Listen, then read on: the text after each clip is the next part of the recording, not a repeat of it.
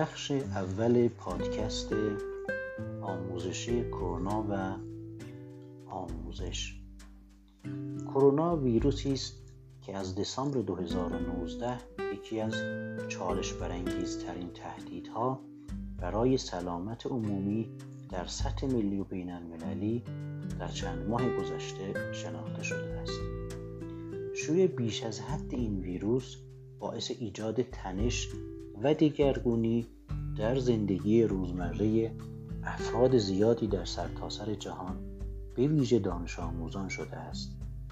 این نگرانی مداوم و اضطراب گزند و آسیب ضمن ایجاد پریشانی و تأثیر بر سلامت روانی کلیه دانش آموزان می تواند با افزایش اجتناب از فعالیت های یادگیری و کاهش تمرکز ذهنی اونها بر یادگیری نیز اثر منفی بگذارد. اضطراب خفیف و متوسط عملکرد یادگیری رو تسهیل میبخشه. در حالی که اضطراب شدید اثرات بسیار مخربی بر یادگیری می‌گذارد. وقتی دانش آموزان در حد طبیعی استراب دارند خونرسانی و فعالیت مناطق خاصی از مغز که با توجه تمرکز و یادگیری ارتباط دارد بیشتر و بهتر می شود. اما وقتی استراب شدید و نامتناسب باشد این خون رسانی به مناطق مغزی مناسب نخواهد بود. و در نتیجه تأثیرات نامطلوبی بر کیفیت عملکرد تحصیلی خواهد گذاشت.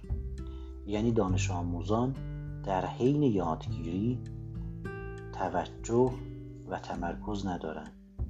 بیقرارند. نمی‌تونن تکالیف رو شروع بکنن یا به پایان برسونند توانایی اونها در فراخواندن مطالب و ریکال کردن از حافظه و استفاده از اونها کاهش مییابد.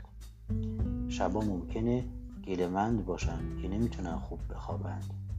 و همین بیخوابی توجه و تمرکز اونها رو پایین می‌بره در همین راستا این روزها با تأکید و توصیه راهکارهای بهداشتی نظیر شستن مکرر دستها در خونه ماندن پرهیز از لمس دهان بینی و چشمها ضد فونی کردنهای مکرر عدم تماس با افراد بیمار زمینه های رفتارها و افکار وسواسگونه رو هم نیز فراهم کرده است که خود تشدید کننده اضطراب در بین دانش آموزان است.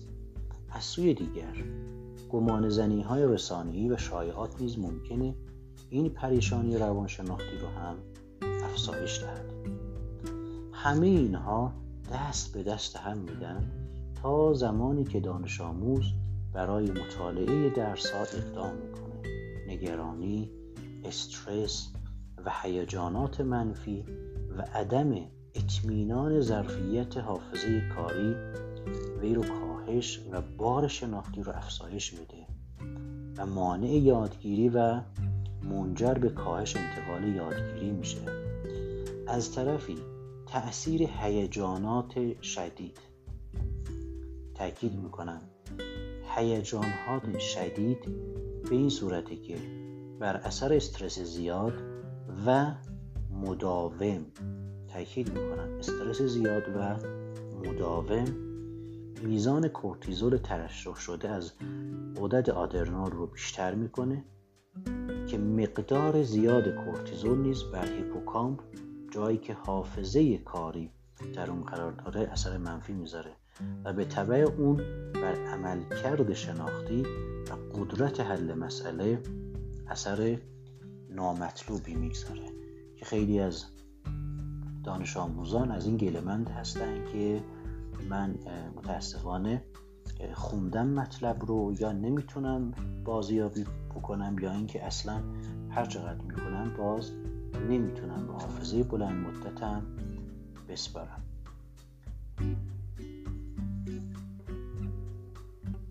پایان بخش اول پادکست آموزشی کرونا و آموزش.